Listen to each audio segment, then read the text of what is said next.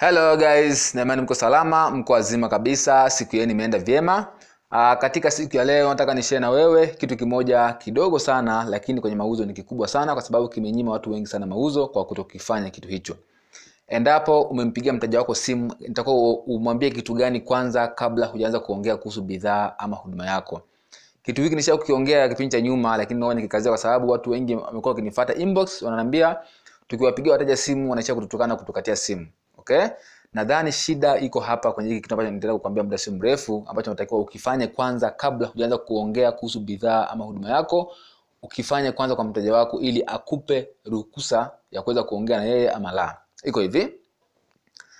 Kama umempigia mteja wako simu narudia tena kama umempigia mteja wako simu kabla hujaanza kuongea kuhusu bidhaa ama huduma yako kitu cha kwanza kabisa baada ya kujitambulisha inatakuwa umwombe muda. Unasema ask for the permission. Omba kwanza muda kabla hujaanza kuongea kusubiria bidhaa huduma yako. Kwa mfano una, una, una dakika mbili za kuongea na wewe una dakika tano una sekunde sitini una dakika tatu dakika tano inategemea na urefu wa maongezi yako yakoje.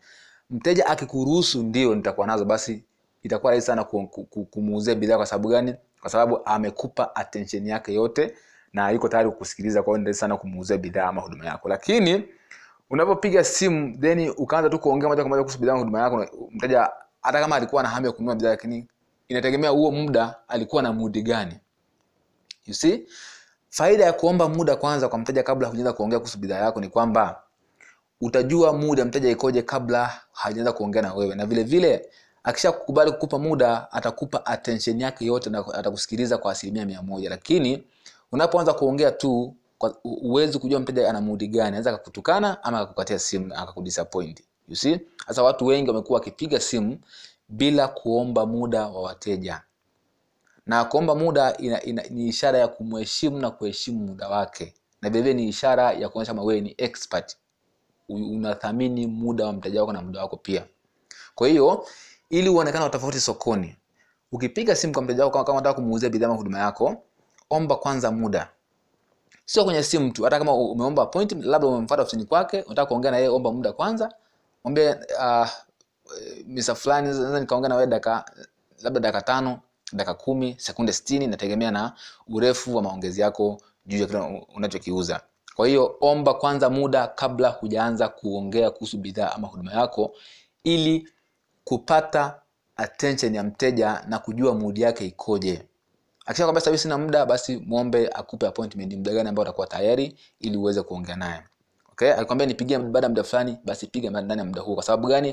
Kwa sababu muda huo yuko busy.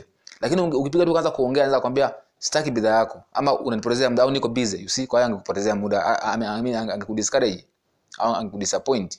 Lakini kumbe ni mteja ambaye kiukweli alikuwa anahitaji bidhaa yako lakini tu approach yako haikuwa sahihi. Kwa hiyo ungemwomba kwanza muda kabla hujaanza kuongea kuhusu bidhaa ama huduma yako. Kitu hiki kimewakosea watu wengi sana mauzo. Sio kitu kidogo ni kitu kikubwa mno.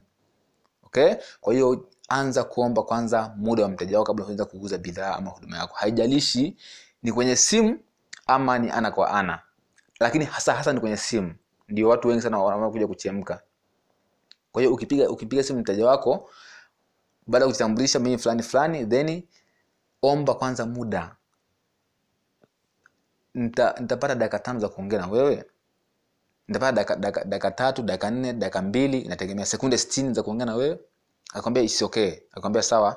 Then unaweza kuongea kuhusu kile ambacho unakiuza. Unaweza kufanya presentation ya bidhaa ama huduma yako. Baada ya tayari umeshaomba muda na amekupa muda. Na akikupa muda mteja which means kwamba amekubali kukupa attention yake yote. Kwa hiyo atakupa full attention. Na wewe utaweza kuuza bidhaa kiurahisi sana.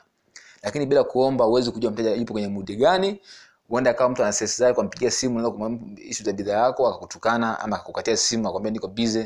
Kwa hiyo akakudisappoint au akakudiscourage lakini kumbe angekuwa ni mteja wako mzuri tu endapo ungeomba muda labda angekwambia nipige baada ya dakika fulani nipige baada ya siku fulani you see. Kwa hiyo ungeweza kuuza bidhaa ama huduma yako. Kwa hiyo sababu hii ni ndogo sana lakini imekosea watu wengi sana mauzo. Watu hawaombi muda wa wateja. Kwa hiyo omba muda wa tunasema ask for the permission first. Yani omba muda wa mteja wako kwanza upate kibali kwanza kabla ya kuanza kuongea kuhusu bidhaa ama huduma yako. Kwa siku nataka niongee kuhusu hilo tu. Kama kutakuwa na swali basi utauliza. Kipengele hiki ni muhimu sana. Asanteni sana